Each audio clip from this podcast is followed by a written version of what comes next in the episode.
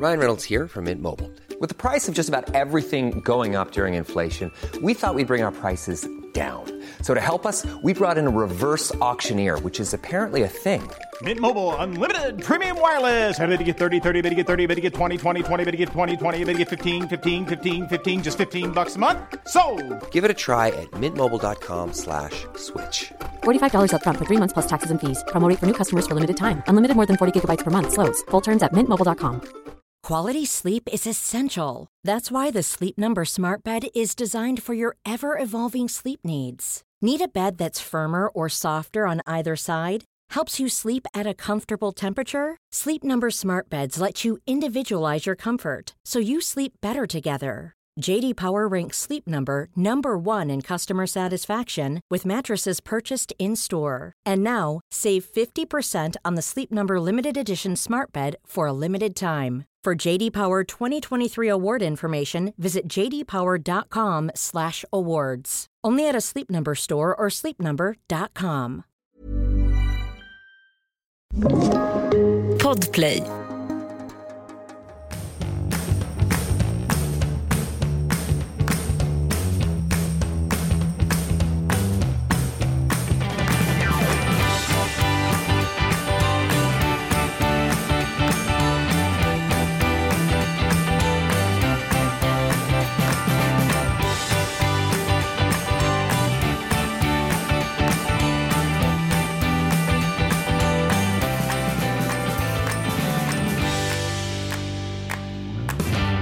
Jag då? Men du får väl höra. Nej. Tja Martin, kul att du är och hänger med min kollega Ann. Jag vill bara säga hej, hoppas allt är bra med dig.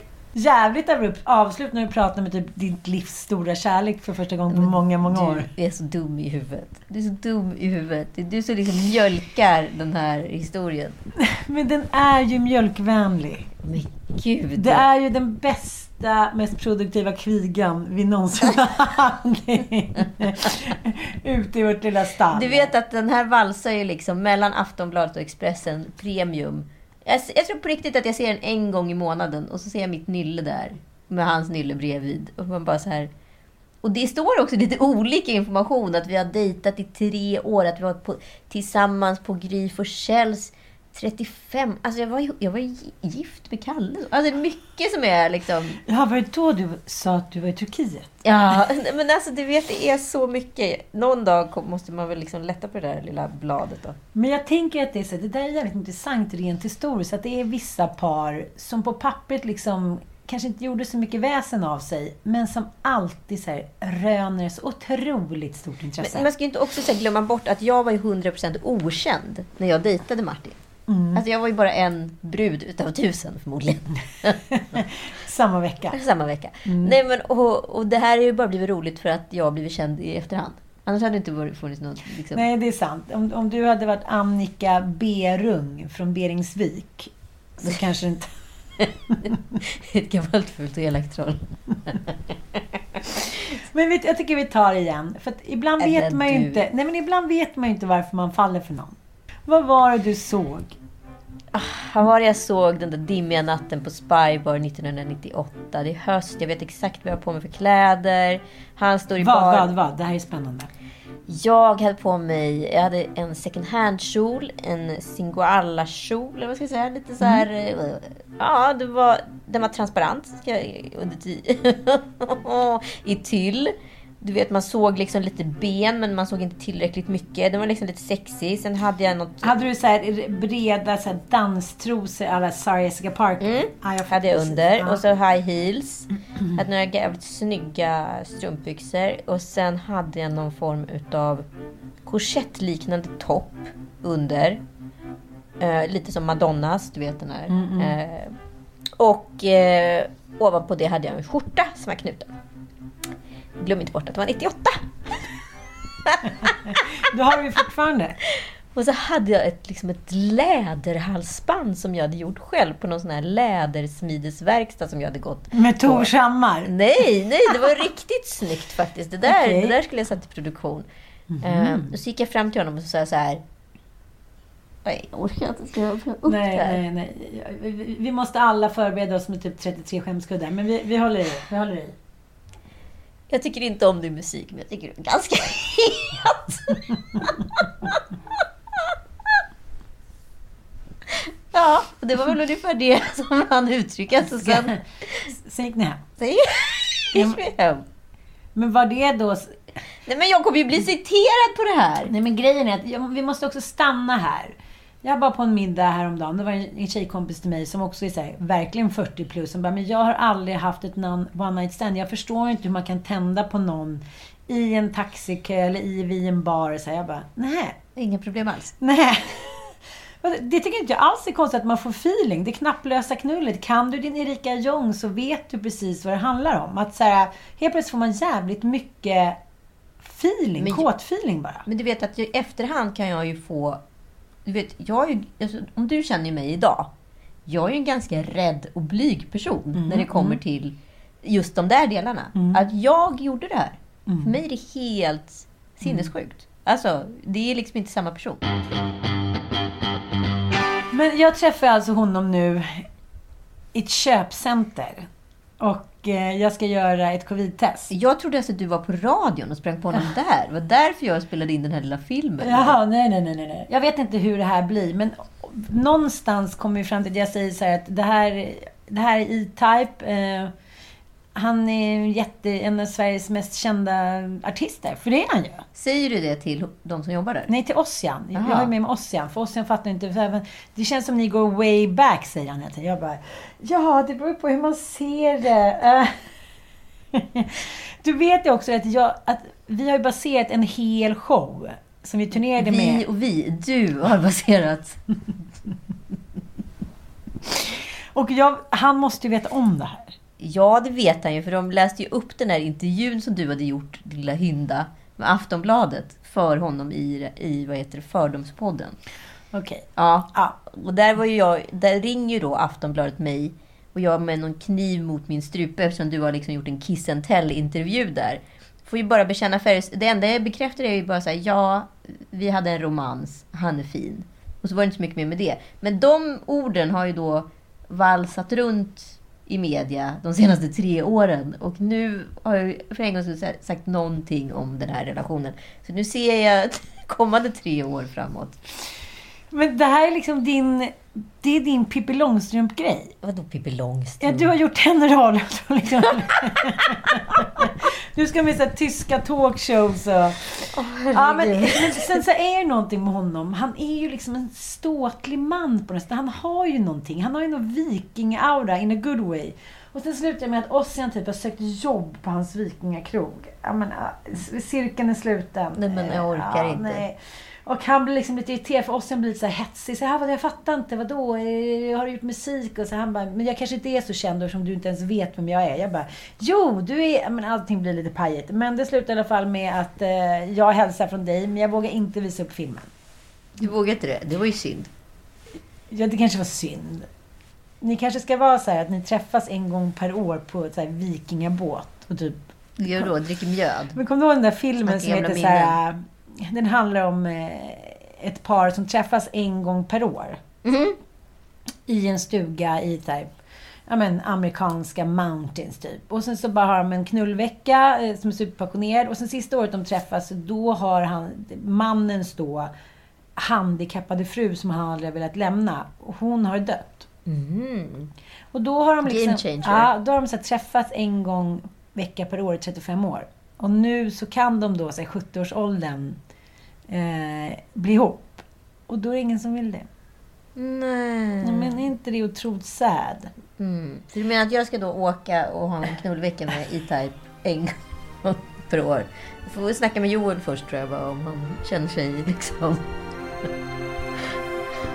fine med det.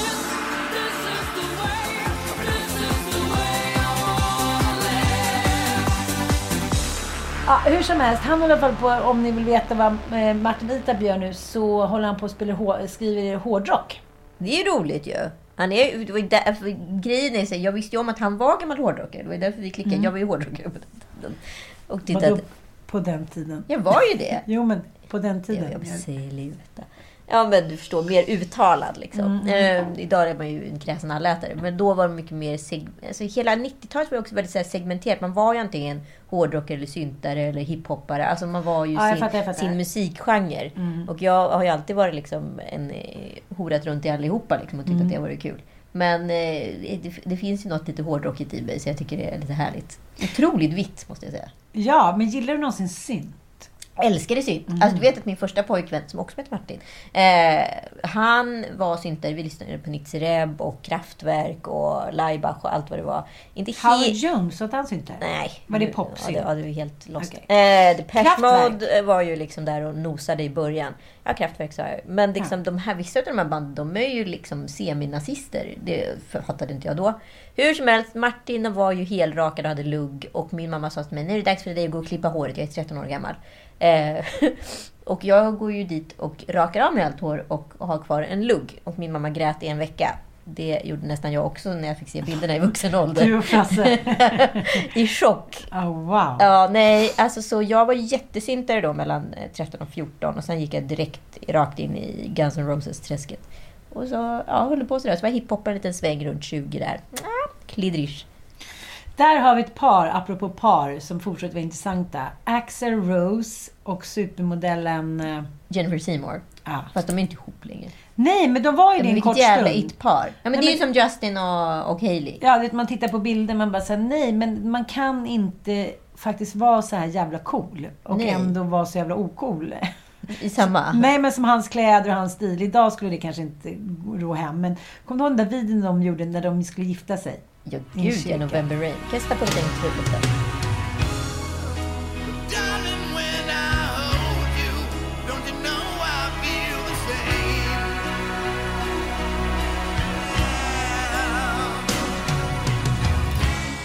Den är ju fortfarande fantastisk. Ja, Fast den är 100% oklar. Någon hoppar genom tårtan, sen blir det ett regn och sen har hon dött. Ingen förstår. Kanske var lite inblandat med lite coke. Ja. Eh, intressant med sådana här par som bara så här lever kvar. Du och E-Type. Kan vi släppa honom nu? Nej, Jag vet inte. Jag vill vara med honom. Du får honom. Jag ska börja jobba på den krogen. Som vikingar. Äh, jag gillar honom bara.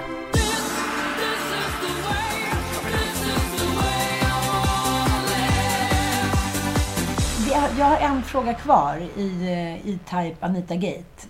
Hur länge dejtade ni? Eller var ni exklusiva för varandra? Eller var du exklusiv? Eller hur funkar Men det? vi var väl... Alltså nej, det kan ju inte jag påstå att vi var. Blev du presenterad för hans pappa? Nej, men jag har ju träffat hans kompisar, varit på några så middagar slash liksom situationer där vi har har varit där i- tillsammans. Men jag skulle inte säga att vi har varit där som ett par. Eh, men vi dejtade väl on and off i typ tre år. Va? Ja.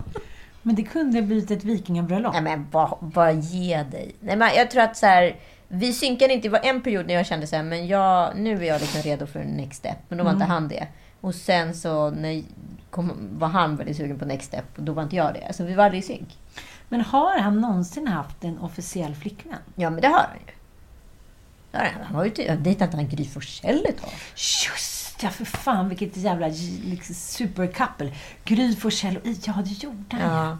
Men senaste åren har det ju varit väldigt, väldigt tyst om, om honom. hans jag, vet, jag, jag ömmar ändå liksom lite för honom. För grejen är, han är en så jävla grundsnäll person. Så att så här, jag tror bara liksom att han har många gånger blivit, dels han blivit utnyttjad utav folk, vet jag. Och sen så har han väl lite, vet jag inte om det är uttalat eller om det är diagnostiserat, men jag tror han har lite, han har någon liten bokstavskombination som kanske inte gör det så lätt för honom jämt liksom. Mm. Men sen så har han ju liksom en dålig liksom, eh, kompass på det sättet att han så här, inte riktigt eh, faller för en tjejs inre. Han kan många gånger falla för en tjejs yttre och det kanske inte alltid blir så bra. Mm, jag fattar. Mm. Men, men det- det är lite som jag eh, hörde en kompis berätta om att eh, hon var tillsammans med en man som liksom så fort kvinnan ville ha lite mer Ja. än bara den där första förälskelsen och någon unge eller två. När kvinnan då ville gå djupare, då fick han panik. Ja. Du vet, när, när kvinnan ville börja prata. Mm. För att sen när man har knullat, så här- sen måste man göra någonting annat. För man kan ju inte leva på det. Då var han liksom hela tiden tvungen att åka på någon resa eller skaffa någon ny brud. Han klarade liksom inte av att ta the next level. Han fick panik. Åh fan. Mm. Och det där är ganska lustigt för han kunde gärna skaffa barn. Mm. Och liksom hit det. Det, tycker, det är next level för många. Men det är inte så jävla mycket next level. Det, det där är så jävla olika när jag har kompisar som är så här tjata typ i tio år på att här, skaffa ett barn till. Man bara, men vadå tjata? Det blir väl bara så. Det där är jävligt olika. För mig, så här, jag, har, jag har väl aldrig liksom varit så här att jag har planerat något barn med Men det någon. märks. Har du gjort det? Ja, absolut. Jag har ju varit ganska så här... Nej, men, och- men det tror jag i och för sig å andra sidan hände på grund av att vi fick massa missfall. Alltså så var man ju Ja. tvungen att ha, liksom, ha en agenda. Mm. Jag trodde ju bara, precis som du, att det skulle bara snipp, snapp, knopp. Och sen så var det liksom barn. Mm. Eh, men så var det verkligen inte. Jag dejtade ju en kille i liksom ett års tid och vi så här, vi levde ju som ett par. Alltså han sov hemma hos mig eller jag sov hemma hos honom fyra dagar i veckan. Och liksom, vi gick på gemensamma middagar och ja men allt, allt. Och jag liksom låg inte med någon annan. Och eh, jag trodde ju liksom att vi var exklusiva. Alla hans kompisar frågade mig så här bara, när ska ni så här, komma ut liksom? Och jag var så här, ja, jag vet inte. Och, vågade, och varje gång det här snacket kom upp så började han prata om något annat liksom. Och sen en dag så kom jag hem dit. Han bara, du, eh, vi måste nog sluta dejta nu. Jag bara, va? Nej, men jag har blivit ihop med mm, Du vet, jag, jag trodde liksom att... Jag trodde liksom min värld skulle rämna. Vadå? Han tyckte bara att ni dejtade lite?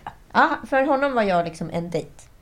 Mm, mysigt. Åkte på semester tillsammans och parmiddagar liksom varje vecka. Och sen var han ihop Jag tycker man hör det där hela tiden. Och jag, jag kan faktiskt inte sätta mig in i det. Sen, jag ska inte säga någonting. Jag har inte alls varit Guds bästa barn. Jag kan förstå otrohet hit och dit. Men det där att man så här, har helt olika syntolkning på vad en relation är. Den är väldigt svår för mig att förstå. Nej, men Som jag att den andra inte låtsas om. Eller? Ja, men jag, Jag förstår liksom inte inte. varför jag inte var en värdig flickvän. När han också väljer att vara med mig och du kommer väl på middag ikväll, vi ska träffa dem, nu åker vi till Paris, nu ska vi göra det här, bla bla bla. Alltså att man lever liksom, hela liksom idébilden utav att vara ett par är så utritad. Mm. Men ändå så var jag då, hade honom då exklusiv, men han hade inte mig exklusiv. Jag åkte ju, flyttade till Paris efter det här. Jag var ju alltså förkrossad under nästan ett år. Det tog lång tid att smälta. Det är länge alltså. Mm. Nej men för jag var ju så i någon form av så här chocktillstånd. Vi var dejta i kanske mm, tio månader och sen som jag upplevde det var relation, pågick relationen i ett år efter det. Men det var ingen relation. Jag tycker det är så konstigt. Många säger så här, men jag, jag har inte blivit presenterad för hans familj eller hans barn eller hit och dit. Då känner jag lite så här, men vadå? Är man kär så är man väl kär? Är det inte lite så? Då är man ju stolt som en tupp eller tuppa. Ja, nej men alltså gud. Det är väl det också så här, det första tecknet någonsin att man ska så här, träffa ens respektive. Men när man inte får det introt, då kanske man ändå ska börja liksom... Ja.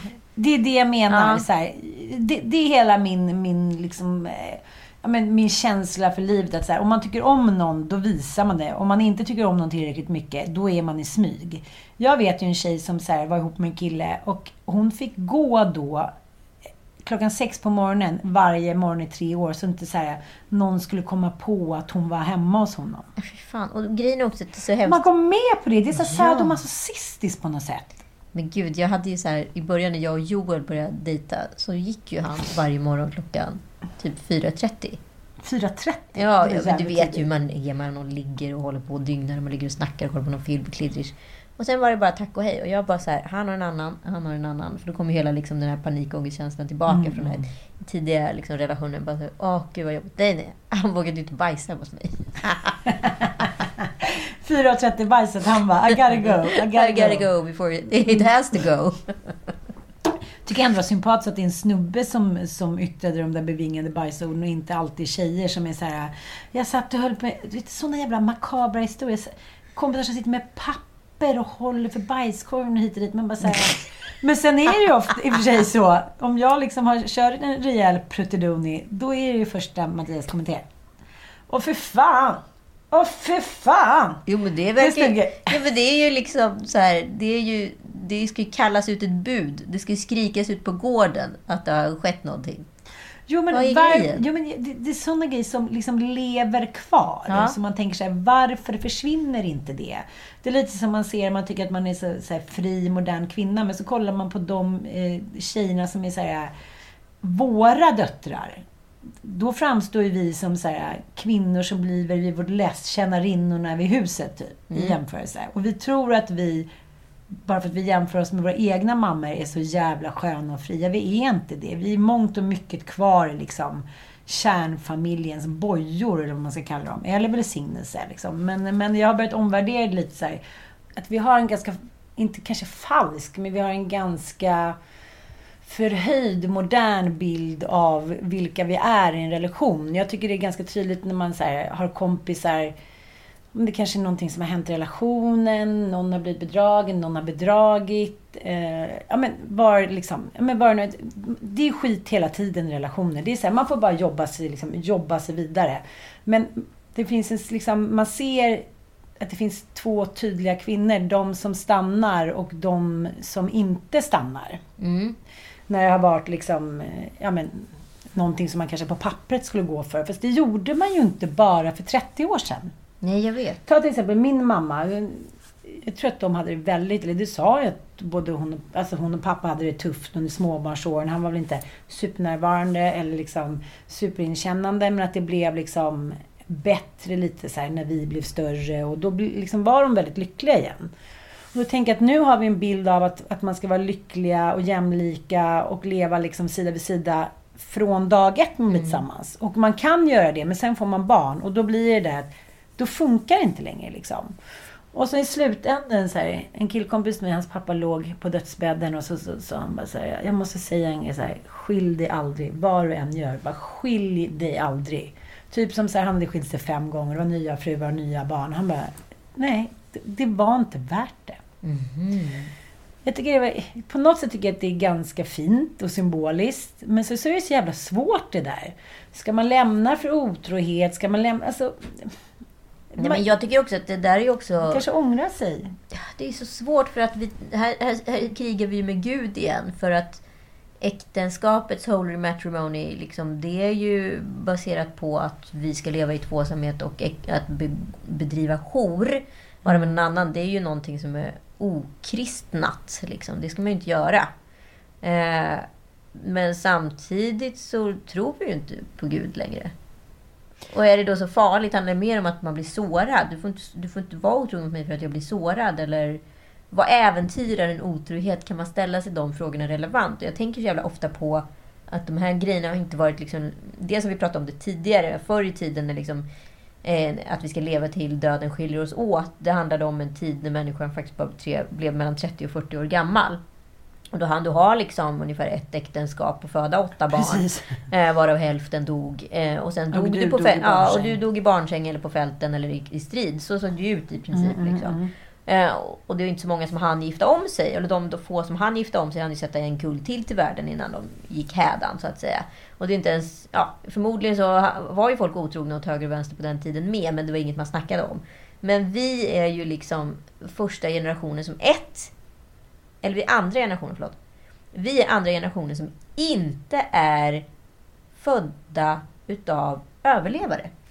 Vi har liksom inte rensats ut naturligt. För alla våra ättlingar har ju överlevt, har ju kämpat för sin överlevnad. Och jag tänker så jävla ofta på vad det här gör med oss. Alltså, alltså här, vad ska vi kalla det för? Den naturliga utgallringen. Jag tänker på så här, psykisk ohälsa. Allt. Människor kanske liksom också mår dåligt för att vi per definition inte egentligen är befordrade att överleva. Jag fattar vad du menar. Vi är- vi, liksom, vi har inte inom oss att klara liksom, de där 30-40 extra åren som vi får. Nej men precis, alltså, allt från, alltså, det låter extremt elitistiskt. Jag förstår ju hur det låter när jag säger det. Men liksom, allt från sjukdom till liksom, psykisk ohälsa. Det är egentligen ingenting som vi skulle klarat av. Vi hade naturligt utrensats. Planeten är överbefolkad och liksom vårt stora, vår stora ambition i livet är ju att överleva. Och idag är ju överlevnad extremt lätt om du bara jämför med för hundra år sedan. Det finns inga... eh, Liksom, ja, vi tycker att covid-pandemin har varit fruktansvärd och det är ju liksom det mesta vi har varit med om i vårt liv. Men liksom, glöm inte bort spanska sjukan som wipade ut 50 miljoner människor. Vi är nere på 2 miljoner. Det går ju inte ens att jämställa om man nu måste. Vi vet inte ens vad en pandemi är utav gamla skolans mått mätt. Det finns ingen naturlig utgallring längre. Världskatastrofer, svält, hunger. Det, folk dör inte. Alla räddas hela tiden. Jag tänker också på det här förnuft och känsla. Att så här, fram till 1600-talet i Sverige så finns det ju inget bevisat så här, att, att någon kvinna har gjort motstånd för att de vill gifta sig med den de älskar. Då är det någon kvinna i Jönköping som är så här. Jag ska gifta sig med guldsmeden. Jag ska gifta mig med guldsmeden. Jag tänker inte ha den som far och mor har sagt till mig. Det ska jag inte ha. Jag ska ha guldsmedar. Så hon gick ju då till domstol. Och fick rätt och fick gifta sig med guldsmedar. Dit. Men det... Tack ska ni ha. Men det är liksom det första kända fallet som handlar om att någon har liksom sagt ifrån och gjort liksom revolt mot det som far och mor hade sagt. Så att jag tänker så här, jag menar inte att människan, jag tror att vi i alla tider har känt kärlek och känslor, det gör ju en fisk liksom. Så det är inte det det handlar om. Men, men det handlade mycket om så här, okej, grannen Olof, de hade lite större gård, det, liksom, den gränsar till våran. Och sen liksom, det funkar väl inte alltid, är många olyckliga äktenskap, men jag tror att många också äktenskap på något sätt tretades på och sen blev man lite kära och ihop för att det inte fanns något annat urval. Ja, men- Nu är det så här, nu ska det vara sån jävla passion hela jävla tiden och sen så bara försvinner den lite och då bara, fy fan vad trist. Men det är ju det som är så intressant. Jag skulle vilja leva i en tid där det inte finns någon spegling. Jag tänker väldigt mycket på tiden innan liksom Kristus kom och tog makten över våra liv. Eh, ja, men som Turandot, exempelvis, den där operan som... Eh, eh en Puccini-opera, va? Ja, men det handlar ju om en eh, kinesisk kejsarinna som eh, då dödar sina friare för att hon vill vara en, eh, liksom, en, eh, en matriark. Hon vill inte liksom bli kuvad av en man och tvingas in i en relation. Likaså Kleopatra, samma sak där. De här kvinnorna de hade ju ingen spegling. De var ju liksom ättlingar och arvtagerskor till dynastier. Och de hade ju ändå inte på något sätt lust, eh, möjligheten att välja, men valde ändå. Jävligt spännande tid. Jag undrar hur kärlek hade stiftat sig och sett ut ifall vi inte hade några referensramar. Vad tror du? Ah, Wow, vilken så här, vid tanke. Men jag tänker så här, referensramarna har ju kommit sig naturligt på grund av att vi har velat överleva. Om alla i den här 30-gruppen skulle sätta på varandra, då skulle vi dels få könssjukdomar av varandra direkt och typ dö ut. Sen skulle ungarna liksom bli oäktingar. Det skulle bli... Alltså, jag tror att det finns någon så smartness i människans DNA ändå. Så här, att the fittest survive. Att de Jo, fast som- idag, fittigast överlever ju också. Jag vet, det är det som det är är det som är problemet. Fan, det är en intressant tanke att så här, förut var det the fittest survive. De som var mest sociala, de som var smarta, som förstod sig. Jag håller mig på min kant, där kan jag gå in och klidra, bla bla. Nu är det så här, all, alla, alla, Alla överlever. Och då blir det en, en helt ny spelplan. Ja, det är det här som är det intressanta. Vi måste liksom göra en, Vi måste ringa Peter Englund. ja, men vi måste göra en mental wipeout på vart vi är och vart Mm. vi står och vad är värdet i en relation. Vad betyder den? Är kyrkan en nice lokal eller tror vi på Gud? Mm. Vilken väg ska vi gå? Men jag vet inte hur du känner, men jag känner så här... Det är en jävligt konstig paradoxal känsla. För när jag var tillsammans med min första man var jag väldigt romantiserad. Min mamma hade nyligen gått bort. Jag hade ett väldigt starkt behov av att tillhöra någonting. Så då var det att jag romantiserade den kärleken som ändå inte riktigt valdes av mig. Så jag tänkte att vi kommer alltid vara ihop. Jag gjorde vad som helst för att hålla ihop familjen. Och sen när det Vad då... har, du sett för vinster utav det i efterhand? Nej, men, vinsterna är att jag försökte ju liksom ändra det, man ska säga, när barnen var mindre, men klarade liksom inte av det. Och jag kan ju som jag sagt fortfarande känna idag när jag ska skjutsa hem pojkarna, så här, jag vill också gå upp till min ursprungsfamilj. Mm, det finns någonting där tror jag också i vår själ. Att så här, det är ju de jag känt längst i världen. Och sen kan ju liksom, och barn är ju inte några arslen. Liksom, jag menar, föräldrar kan ju ändå så här, inte leva upp, de kanske inte är värda barns föräldrar. Men om man är liksom en någorlunda god förälder så är de flesta barn goda barn, om du förstår inom situationstecken. Men det, det jag kan... Jag tycker att det här låter så himla hemskt och det är så jävla olika tycker jag. I vissa relationer vill jag säga, men gud varför lämnar de inte varandra? Och i vissa- fall har jag liksom ändrat mig. Jag kan vara säga, nej jag fattar att du stannar kvar. Just när det kanske handlar om otrohet som jag var såhär, skulle aldrig om någon gjorde, så känner jag så här, som nu för mig, när jag har så många år kvar av liksom föräldraskap, att så här, ta hand om barn. Det är fortfarande, Frasse är fyra. Så känner jag så här, när jag tänker att det skulle ta slut med mig och Mattias, ja, men vilket jag kanske ändå så här, har trott några gånger. Eller vi Ungefär en gång i månaden. Jo, jag vet. Men, men då känner jag så här, jag har inte den orken längre. Nej, och där tänker jag så här... Good enough. Ja. Good enough-tänket. Och det är jobbigt också, för det är ganska nyligen det där har landat i mig. Ja, men det är ju sårande på ett sätt, för egot blir sårat ifall någon skulle välja någon annan och så vidare. Men Mm. jag tror utifrån här familjeperspektiv så tror jag så här, ja, det kanske kan funka. Alltså, jag har ju inte gjort, jag har inte liksom upplevt det själv. Jag har aldrig varit otrogen mot eh, den personen som jag har liksom haft en barn med och jag har inte heller varit otrogen mot Joel. Har ingen ambition. Men däremot kan jag känna så här, jag vet inte, jag är på andra sidan svartsjuka. Förstår, du, vad jag, förstår du vad jag är? Mm, mm. Alltså, någonstans ska, om han skulle om han skulle gå hem och peppa någon annan, fan skulle jag riva upp hela vårt liv för? Nej, jag vet inte. Jag har inte heller varit med om det. Men det är klart att jag skulle bli svartsjuk och jävligt sårad Det är klart att det skulle vara så, det skulle vara en process, men skulle jag orka? Jag är inte så ego längre. Jag tror också att människan, i, det är också där vi inte hängt med. Där utbudet som finns idag. Man Ja. kanske träffar liksom 500, innan corona, 500 människor per dag. Man åker på Det kom inget gästabud var tredje vecka. Nej, man åker på fester, man åker hit och dit. Vi träffar ju lika många som många bönder träffar under ett helt liv, träffar vi på en vecka idag. Ja. Och då ska man helt plötsligt så här, inte tycka att det är frestande att det fanns 250 snygga heta män på paddelresan. Det ska inte vara frestande. Alltså, vi ska fortfarande leva som att vi träffade en person per dag och den hade så här, Fast den selekteringen tycker jag har blivit liksom mycket enklare också med åren. Förut tyckte man ändå så här, snuppar var lite härliga och heta. Ytterst få gånger som jag går igång på män. äh, jag med. Ytterst, Kvinnor alltså så här- däremot, kvinnor däremot. Ja, men verkligen! Ja. Kvinnor Och det är så däremot. jävla kul, för att när jag lyssnade, i förrgår så lyssnade jag på en intervju med Pernilla Wahlgren. Och då hade Bianca då outat att eh, hon kanske dejtade någon och sådär. Och då sa han på Mix Megapol, Roger, att så här, jag är så avis på dig. Du verkar ha så jävla roligt liv. Alltså dina kompisar, idel liksom, A-roliga kändisar. Men det spelar ingen roll, relevant. Men jag tänker det också när vi... Man märker det på Pernilla när man är med henne. Hon har ju ett extremt underhållande liv. Ja, ja, nej, men det är ju en drottning, drådning och hennes. Ja, och då ska man då gå tillbaka till någon så här halvsur svartis kille som tycker såhär, gud du får mycket uppmärksamhet. Ja, Varför ska varför? Vad är peppen? Ja. Var i ligger peppen att vara med de här... För de flesta män tycker jag säger. Jag sa det till Mattias när jag skulle på, på golfen. Jag bara, du är en 40-talist. Du är en 40-talistman som vill spela golf och sen vill komma hem till frugan och då... Det, det är liksom ingenting som ändrar. Då har ju valt fel fru. Jag vet, det gör de ju alla. Men varför ska de trilla dit på oss då? Jag vet inte älskling.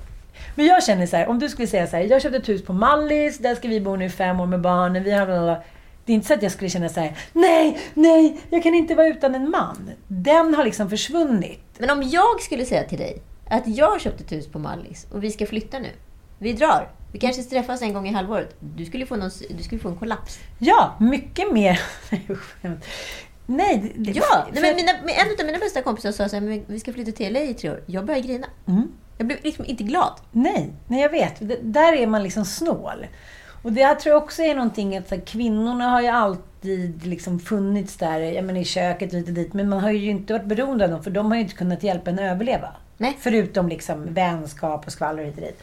Men idag är det så här, okej, jag betalar min egen hyra hit och dit. Jag vill ju ha mannen för att jag tycker om att vara en familj. Men jag går ju inte under utan familjen. Däremot så känner jag så här, jag är inte sugen på att vara ensamstående med fem ungar. Nej. För efter tre dagar själv med fem ungar, då är man ju bara så här.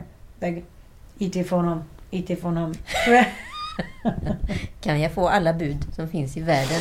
Kan någon komma och ta hand om men det är mig? en Bjuda ska bli bort skjutsad mig? till fotbollen, en ska, den andra ska på kalas. Det är liksom... Nej, men det är ett mörkt. heltidsjobb. Ja, Det är ett heltidsjobb. det är det verkligen. Och folk säger, men nu är det bättre när de är större. Jo, men de ska väl ändå ha hjälp med liksom pluggandet. De ska väl ändå liksom Nej, åka ta det är körkort ju ett heltidsjobb i 20 år. Alltså, Det är den största liksom... Ja, du vet ju att jag gillar att kategorisera saker Mm. för vad det är, bara så att man kommer ha- hamna rätt i känslotillstånd. Det är ett 20-års eh, arbetsuppdrag. Så är det ju. Det jag menar är att jag förstår människor idag som säger så här, jag vet ingenting och jag vill ingenting veta. Ja. Och det uttrycket som alltså, "Men det man inte när man var 20, det man inte vet man inte dåligt av. Så bara, va?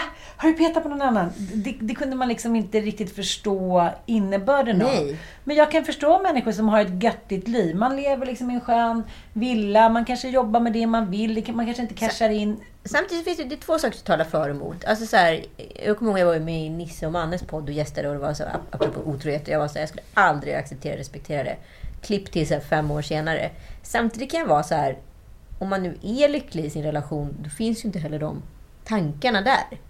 På det sättet. Alltså känner man sig så här 100% så här bara tillfreds, vilket ytterst få människor gör hela tiden, Det är det som också har gått upp för mig senaste året. Och det kanske har med corona, eller det har med corona att göra.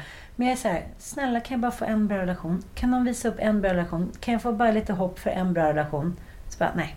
Jag känner mig liksom lite nedstämd. Man, vi har ju synat varandra i sömmarna mycket mer det här året. Jag tycker det faktiskt är jävligt roligt att män har ju så, bokat så mycket skönhetsoperationer. Det är hår, jo, det har ökat med så här 40 procent. Ja, men det förstår jag. Så hårtransplant måste Ja, vara och så sitter man och ser sig själv hela tiden i den där liksom zoomen. Man bara, fuck, jag har inget hår. Eller gud vilken stor näsa. Eller gud vilka hängiga bröst.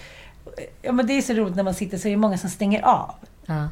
Och då är det så här, I got a bad hair day. Det är den enda ursäkten typ. Enligt då vett och etikett med Zoom-möten. Man bara, jaha. Att så här, vi har, bör- vi har börjat liksom sk- skärskåda våra hem, våra barn hit och dit. Jag tror att vi, liksom, vi är rätt trötta på hela skiten. Mm. Precis som våra föräldrar var. Precis Allting som våra föräldrar var, men inte gjorde någonting åt det. Det är väl det Precis. som är skillnaden. Mm. Vad gör vi för skillnad då? Ja, det är det jag undrar. Just nu är det ju bara att sitta i båten. Alltså, förstår lite vad jag menar? Ja. Nej, jag vet inte. Jag vet inte vad näst, liksom, nästa socialrealistisk take är. Liksom, efter corona. Det är så här, vi kanske alla bara drar till Mallis. Ja, Så kan det ju vara. Men samtidigt blir man ju också... Det blir ju någon form av så här Sodom och Gomorra när man kollar på liksom det här utbudet. Jag fick den känslan i Las Vegas när jag var där förra året, eller förra, förra året. Bara så här, shit, det här är så här Sodom och Gomorra. Här finns allt äckligt i världen i överflöd. Sex, porr, spel, eh, hur mycket jävla godis du vill ha, hur mycket jävla show du vill ha. Lady Gaga står på scen samtidigt som Guns N' Roses, samtidigt som Jerry Seinfeld. Alltså allt händer ju i Vegas exakt hela tiden. Och där är det bara som en pågående show. Du måste liksom åka in och åka ut för annars kommer du förlora ditt medvetande. Alltså du kommer bli galen. Eh, lite så är det ju. Och jag har kollat på Snabba Cash-serien eh, som är ju helt fantastisk. Jättebra regi av Jesper Ganslant och ett kul nytt sko- skådisutbud. Och en riktigt, Underbart. Ja, en riktigt bra liksom, bombmatta utav, eh, utav spänningsupptrappning. Jag älskar ju alltid så här klaustrofobiska serier som liksom gör huvud, tvingar huvudkaraktären in i hörn som hon inte kan ta sig ut utan att behöva eh, begå brott eller liksom, alltså på något sätt när det kommer till den typen av thriller eller vad ska jag säga, då måste det finnas den bryggan. Eh, sen så har jag också kollat på den här Exit som alla pratar om. Jag är inte ett dugg förtjust i den, men det är ändå intressant ur ett här det nya socialrealistiska perspektivet som är en sån jävla upgrade utav vad det var, var, var Kenta och Stoffe på 70-talet. Stämning. Vad fan är det här alltså? Olovligen förtärt alkoholhaltiga drycker. Nej, nu får de jävla med kammas alltså. Det är för mycket alltså. Där, där liksom Exit handlar om så här börshajar i Oslo. Att få tillgång till information beror främst av två saker. Om du kan göra den som ger dig den rik eller om du vet någonting om personen i fråga som gör att han berättar någonting som han inte borde.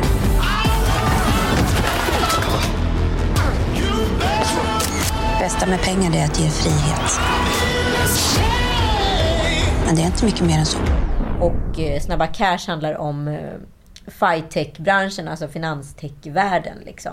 Eh, slash gangstervärlden. Jag behöver låna pengar. 1,5 miljoner. Walla, jag ligger på nätterna. Jag tänker fucka det här för liv vi lever jag. Bror, jag är inte människa längre.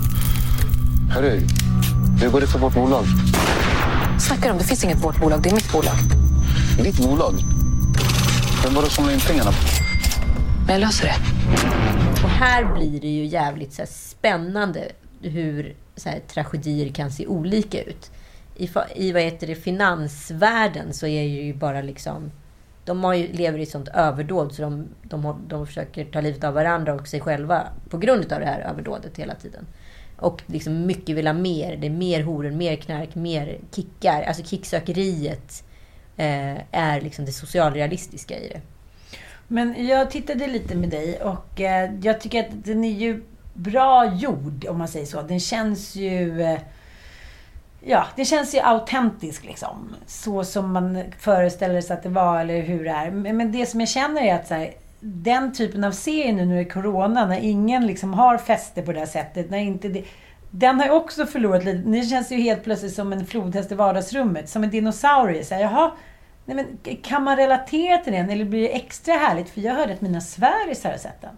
Är det sant? Ja, och det är ju liksom, ja men de går omkring där, kör en liten runk och det är bånge och det är liksom... Kokain och horor och... Ja. Och jag tänker så här att det som hände förut, som alltid var en, en pågående, liksom dygnet runt, eh, det som pågår här liksom det har ju också mattats av lite. Eller? Nej, jag vet inte. Nej, jag vet inte Jag vet heller. inte. Det är mycket som känns så här, före och efter Corona. Vad är på riktigt och vad är sant liksom? Jo, jo, absolut. Samtidigt så kan jag bli så här... Fy fan vad trasiga de är. Och vad Ja. trasiga relationer. Det handlar om en kille då som har i smyg då steriliserat sig. Och hans fru då, som han varit ihop med i flera år, vill bara ha barn. Och eh, till sist så går hon och gör så här fertilitetsprov för att på att det är inget fel på henne. Och så ber hon honom då också göra ett fertilitets, fertilitetsprov. Och då ber han en av sina bästa kompisar i det här gänget att ge spermierna. eh, Så att så här, det syns att det inte är något fel på honom. Fan vilket straff! Otroligt. Och sen så kommer det här... eh, Det här är ju säsong ett. Jag pratar om det så jag hoppas att jag inte gör någon spoiler för tvåan. Och sen kommer ju då det här fram till henne till sist att han har ju gjort ett sterilitetsprov för henne, hans polare rattar ut honom. Och då går hon in och har sex med honom på toan. Och blir gravid med honom. Och då blir det liksom en katt och råtta-lek som vänds på. Alltså det är en ganska snygg liksom, brygga ur i ett så här, kvinnoperspektiv ur det här. Hur de tar sig ur det. Samtidigt så kan man ju vara så här, jag, jag kan också bara känna att så här, ja, det är inte 100% kvalitet. Som så jag vill ha det. Men eh, under tiden Snabba Cash är det. Och jag tycker att det är en trovärdig historia och eh, i en orealistisk värld. Ja, Men det är en ny typ av social realism och det är det som slog mig. Att det är, no, det är något spännande i det här.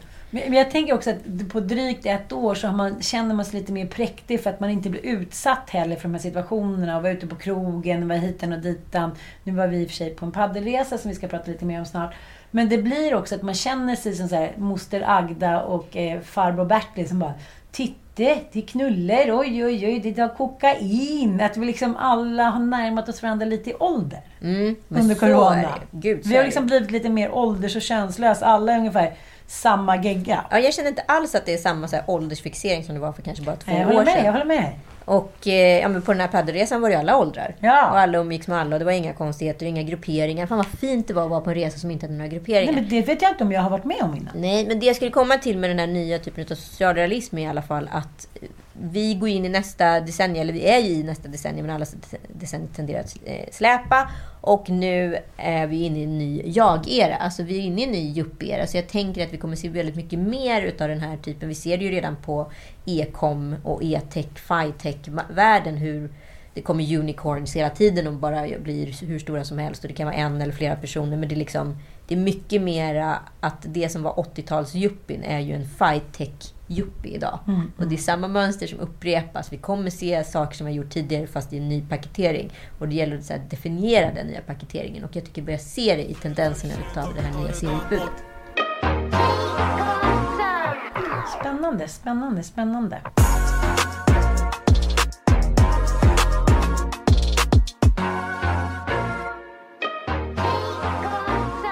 In i försvarsbåset. Åklagaren. Nej, jag är så trött alltså på alla de här kommentarerna om att det är omoraliskt, oansvarigt och så vidare.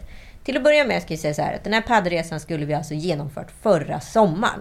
Den flyttades till senare till hösten för att sen flyttas till nu på grund av att alla som skulle vara åka med på den här resan skulle helst ha antikroppar. Och vi var samma gäng och ingen bo- bokade av. Det var några som trillade av på vägen. Men liksom några, vi som liksom var de som hade beslutat oss för att åka på det här från början, det är samma gäng som var kvar. Mm, mm. Och när man åker utomlands, dels har vi alla då antikroppar. De, några av arrangörerna hade redan fått vaccin på plats i Spanien eller i Sverige. Och sen så på innan man åker så måste man göra PCR-test. Det vill säga att du får inte ha några pågående infektioner i kroppen. För då får du inget utresetillstånd från Sverige.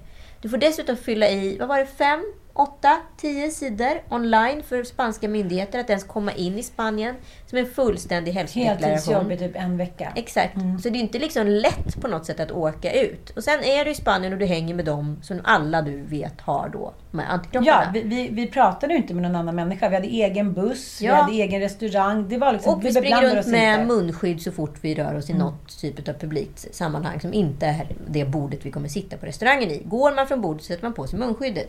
Basta.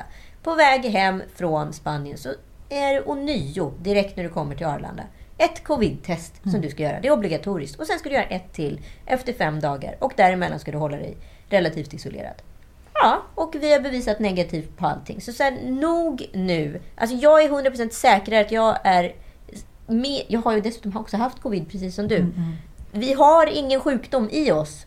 Så, så här, sluta nu, kliddergummor Däremot var det medier. typ 40 utav mina kompisar som eh, fick covid här i Sverige när jag var borta. Ja, det är ju spännande. Ja. Ja, alla får klart tycka olika och vi respekterar allt det. Och det är inte det att vi kommer liksom ha klippkort till Marbella nu. Men eh, ja, Det är, jag vill bara understryka att det är inte direkt lätt att varken resa eller resa ut. Så vill man göra det så, ha, så måste man genomföra det här. Och vi tyckte att det var värt det. Mm, så kan vi motivera det. precis. Utan att belasta vården med dåligt samvete.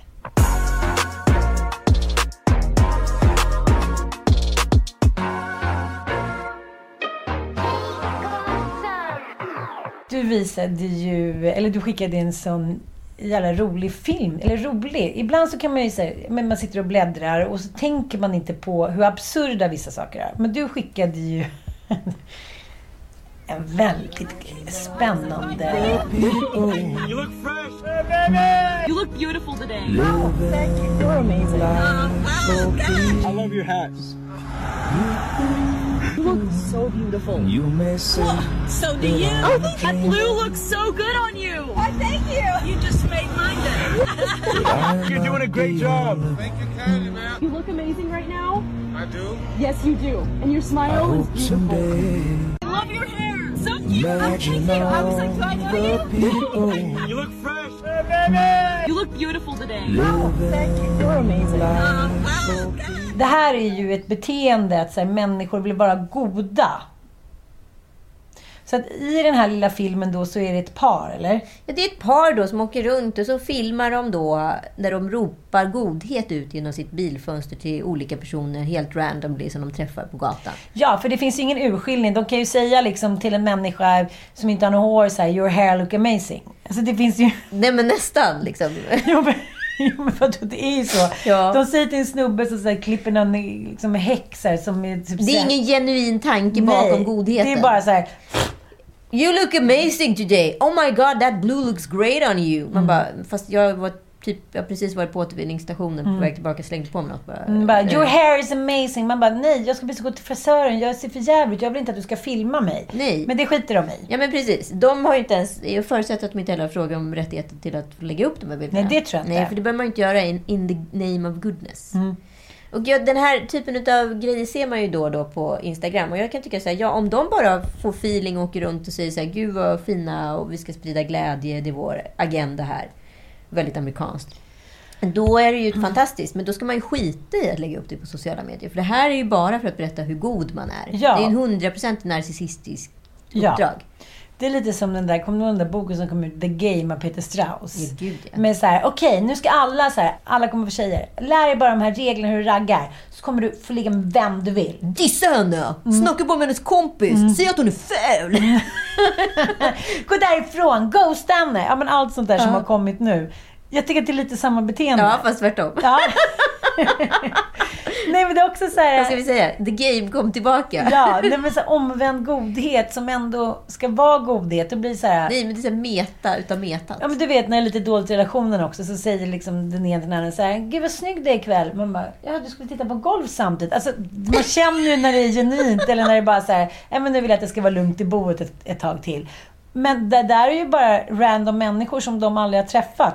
Det blir liksom, det blir som en film av Dum Dummare. Ja men exakt, men jag, känner, jag känner också så här, om jag skulle gå på gatan och någon skulle veva ner fönstret och skrika till mig att jag ser bra ut. Jag skulle ju bara, jaha, eh, okej, ja, tack. Fan vad konstig människa. Kanon! Och Eh, filma det lite också. Ja men det ska ju också vara så här, mår den där personen bra? Skulle Mm, jag ju mm, tänka. mm. Det skulle vara min instinktiva Mm, tanke. Så här, vad varför åker en person runt och ropar att jag ser bra ut i en random situation när jag inte har bett om det. För att jag ska bli glad. Jag skulle bara tänka att den där personen är ju tokig. Mm. Det är det enda. Alltså, Så det finns ju ingen god tanke som heller och möter. så, så ska man gå typ resten av dagen så här, var det där, var, var det ärligt menat? Var det ett prank? Det är liksom...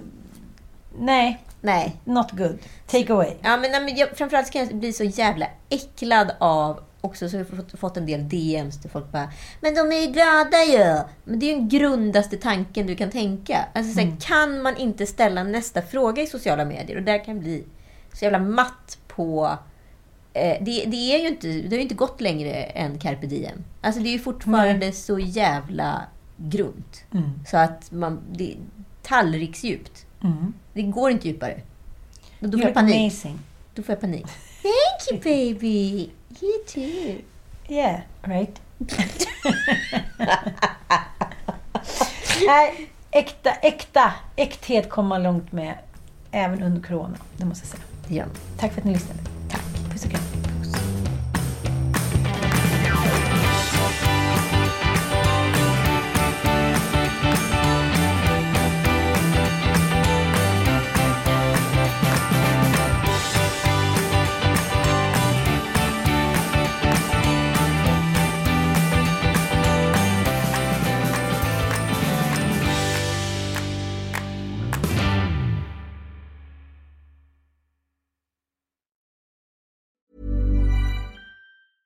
Okay, I have two new obsessions that I need to share with you.